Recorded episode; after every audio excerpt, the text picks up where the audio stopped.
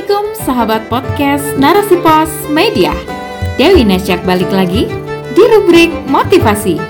Motivasi kali ini datang dari Maria Zawawi dengan judul Mensyukuri Nikmat Sehat. Jika kita mau bersyukur kepada Allah Subhanahu wa Ta'ala, sejatinya kita melakukannya untuk kebaikan diri kita sendiri, sebab rasa syukur kita akan membuat Allah menambahkan nikmatnya kepada kita. Ada dua kenikmatan yang melalaikan manusia, yaitu nikmat sehat dan waktu luang. Hadis riwayat Bukhari. Selengkapnya tetap di sini di podcast Narasi Pos Media. Narasi Pos, cerdas dalam literasi media, bijak menangkap peristiwa kunci. Salah satu kenikmatan yang tiada tara dari Allah adalah nikmat berupa kesehatan.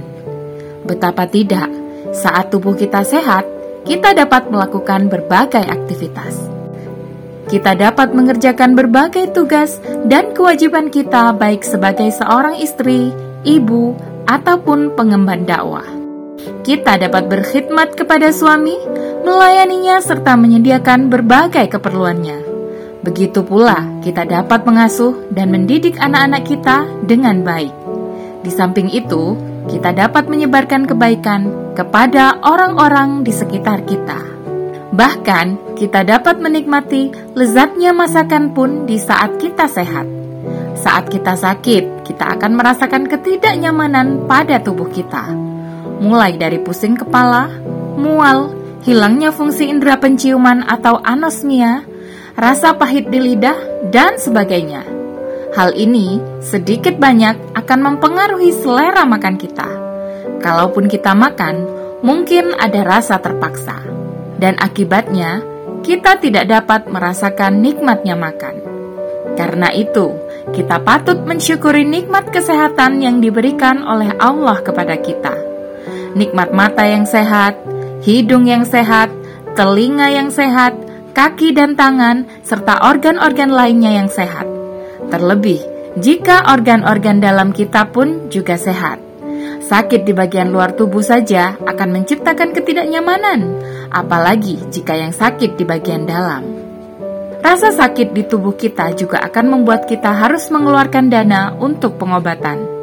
Bisa jadi dana itu tidak sedikit, apalagi saat kita hidup dalam sistem yang serba kapitalistik saat ini di mana para kapitalis di bidang kesehatan memanfaatkan orang sakit sebagai alat untuk menambah pundi-pundi mereka.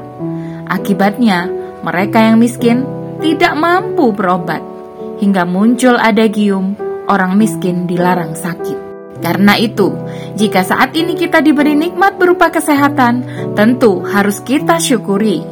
Sebab kita tidak perlu mengeluarkan dana untuk berobat. Di samping itu, kita dapat menikmati hidup dengan nyaman. Mensyukuri nikmat kesehatan ini kita lakukan dengan cara sebagaimana kita mensyukuri nikmat-nikmat Allah yang lainnya. Imam Al-Ghazali mengatakan bahwa mensyukuri nikmat Allah dapat dilakukan dengan hati, lisan, dan perbuatan. Mensyukuri nikmat dengan hati yaitu meyakini bahwa nikmat itu berasal dari Allah Subhanahu wa taala. Mensyukuri dengan lisan dilakukan dengan mengucapkan hamdalah, sedangkan mensyukuri dengan perbuatan, yaitu dengan melandaskan semua perilaku kita pada aturannya. Dengan kata lain, kita jalankan semua aturannya serta kita jauhi semua larangannya. Terlihat sederhana, bukan? Namun, faktanya tidaklah semudah itu. Dibutuhkan tekad yang kuat untuk menjalankannya, sebab akan banyak godaan yang mungkin membuat kita terpalingkan hingga kita lebih banyak menggunakan nikmat kesehatan itu untuk melakukan hal-hal yang tidak penting. Entah itu dengan menyibukkan diri kita dengan perkara-perkara yang mubah, makruh, bahkan mungkin juga haram. Terlebih pada kondisi seperti saat ini, saat kemaksiatan bertebaran di mana-mana. Kemaksiatan yang dikemas dengan cantiknya, hingga kemaksiatan yang sejatinya buruk tampak indah dipandang mata. Sebab setan telah menghiasinya agar banyak manusia terpikat untuk mengikutinya. Karena itu, Rasulullah Shallallahu Alaihi Wasallam telah mengingatkan kepada kita melalui sebuah hadis yang diriwayatkan oleh Ibnu Abbas.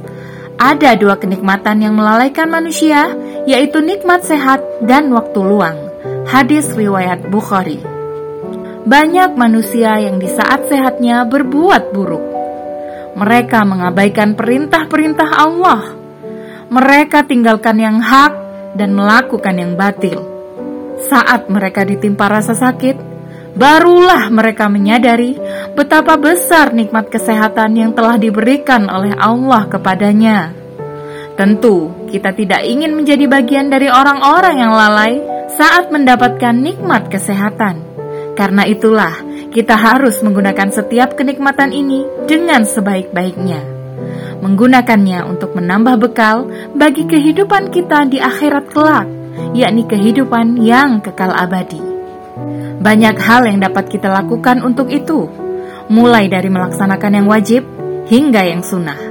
Menjalankan salat wajib, melakukan amar makruh dan mencegah yang mungkar, berbakti kepada orang tua, melaksanakan salat-salat sunnah, puasa sunnah, dan sebagainya.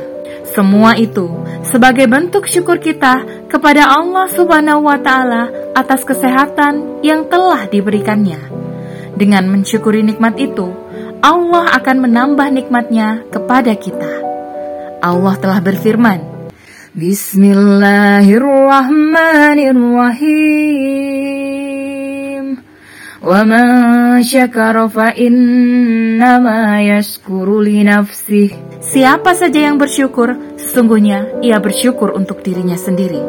Quran Surah An-Naml 27:40 Jika kita mau bersyukur kepada Allah Subhanahu wa Ta'ala, sejatinya kita melakukannya untuk kebaikan diri kita sendiri Sebab rasa syukur kita akan membuat Allah menambahkan nikmatnya kepada kita. Sebaliknya, jika kita mengingkarinya, Allah pun murka. Karena itu, Allah akan memberikan azab yang sangat pedih. Na'udzubillah min zalik. Allah subhanahu wa ta'ala berfirman, Bismillahirrahmanirrahim. لئن شكرتم لأزيدنكم ولئن كفرتم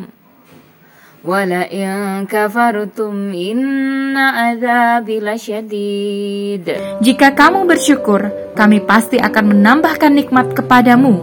Dan jika kamu mengingkari, maka sungguh azabku sangat pedih. Quran Surah Ibrahim 14:7 karena itu, marilah kita memanfaatkan kesehatan yang diberikan oleh Allah kepada kita dengan sebaik-baiknya, agar kita termasuk orang-orang yang bersyukur, bukan orang-orang yang kufur.